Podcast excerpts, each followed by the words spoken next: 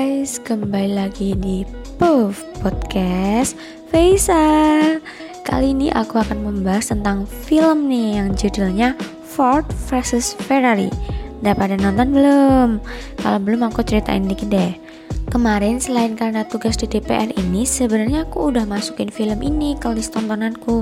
Karena sepertinya film ini tuh kayak punya latar yang sama gitu kayak Fast Furious. Ternyata Dugaanku salah, walaupun berlatar otomotif, film ini tidak sepenuhnya menampilkan laga. Ada unsur kisah nyatanya di sini dan mengajarkan tentang brand branding dan rebranding. Film ini tuh dimulai dari tokoh yang terkenal gitu di dunia balap. Namanya Carol Shelby. Beliau ini menjuarai balapan 24 Hours Le Mans. Tapi naasnya setelah kemenangan tersebut, Carol Shelby ini harus menghadapi kenyataan bahwa Beliau ini nggak bisa melanjutkan karirnya sebagai pembalap lagi karena kondisi jantungnya. Namun, Selby nggak langsung putus asa begitu aja. Beliau tetap melanjutkan karirnya dalam dunia balap sebagai perancang mobil bersama timnya, termasuk Ken Miles, terma uh, salah satu pembalap paling berbakat yang dikenal Selby. Pada tahun itu pula, Ford Motor Company, sebuah perusahaan mobil dari Amerika, sedang berekspansi untuk menaikkan penjualannya.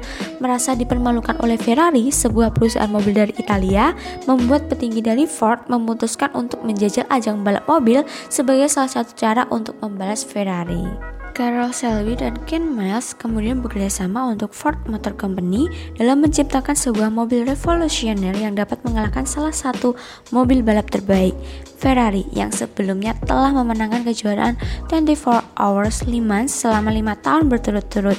Nah, diceritakan bahwa 24 Hour Le Mans adalah kejuaraan balap mobil sport paling penting di dunia pada era tahun 1960-an. Sebenarnya pelajaran pertama yang saya dapatkan dalam film ini adalah konsep branding. Branding ini ditunjukkan saat Henry Ford berbicara di depan buruh pabrik.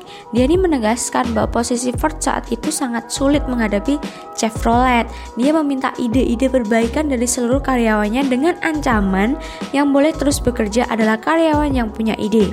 Di belakang belakangnya, para eksekutif perusahaan tertunduk malu juga karena di tangan mereka lah sebenarnya ide-ide strategis harus muncul untuk mencegah keterpurukan Ford.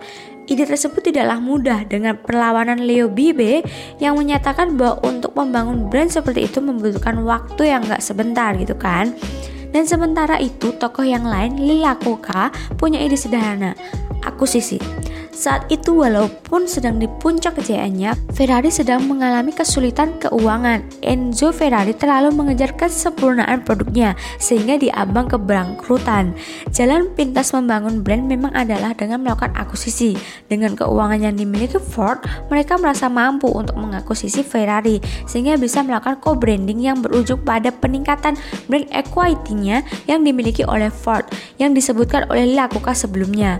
Dia ingin agar Brentford berarti sama dengan Ferrari yaitu kemenangan.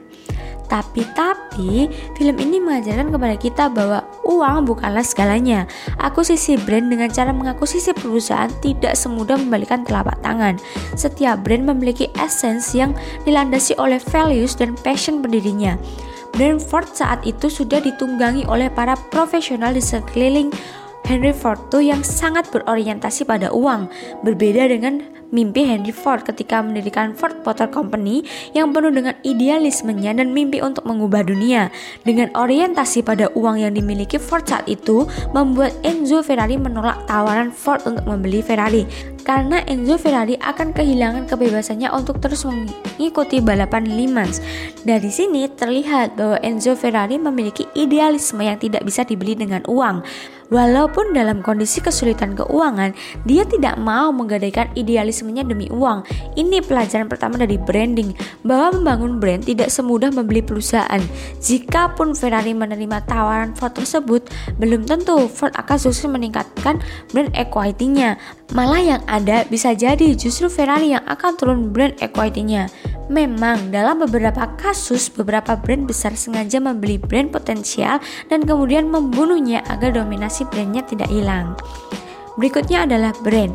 Untuk membangun brand dengan membuat produk yang belum pernah dibuat sebelumnya, cara tercepat adalah melakukan kerjasama dengan seseorang yang ahli di bidangnya.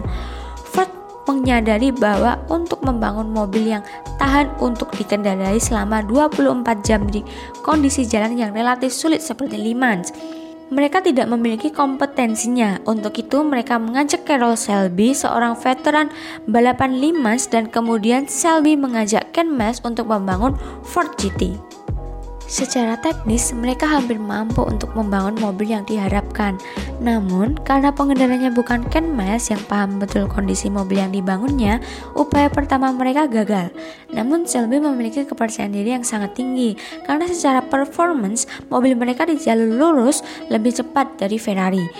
Menurutku, brand bukanlah seberapa besar dana yang kita keluarkan untuk melakukan riset produk, juga bukan seberapa besar dana iklan yang kita gelontorkan.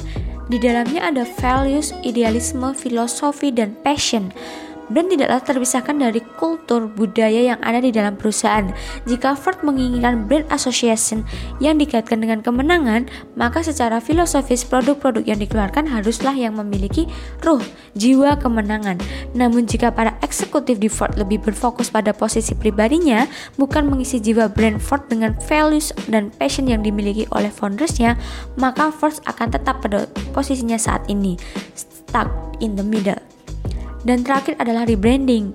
Namun di film ini tidak terlalu menunjukkan konsep rebranding yang dilakukan oleh Ford karena pada kenyataannya Ford baru ingin mengubah logonya pada tahun 1966 di mana Ford cukup tertarik dengan logo baru yang dibuat oleh seorang desainer bernama Paul Rand. Tetapi Ford tidak menyetujui rancangan itu dan tidak diketahui dengan jelas apa alasan Ford menolak rancangan itu. Nah, sekian cerita dan pelajaran yang dapat diambil dari film Ford vs Ferrari. Sampai ketemu di podcast selanjutnya. Bye bye.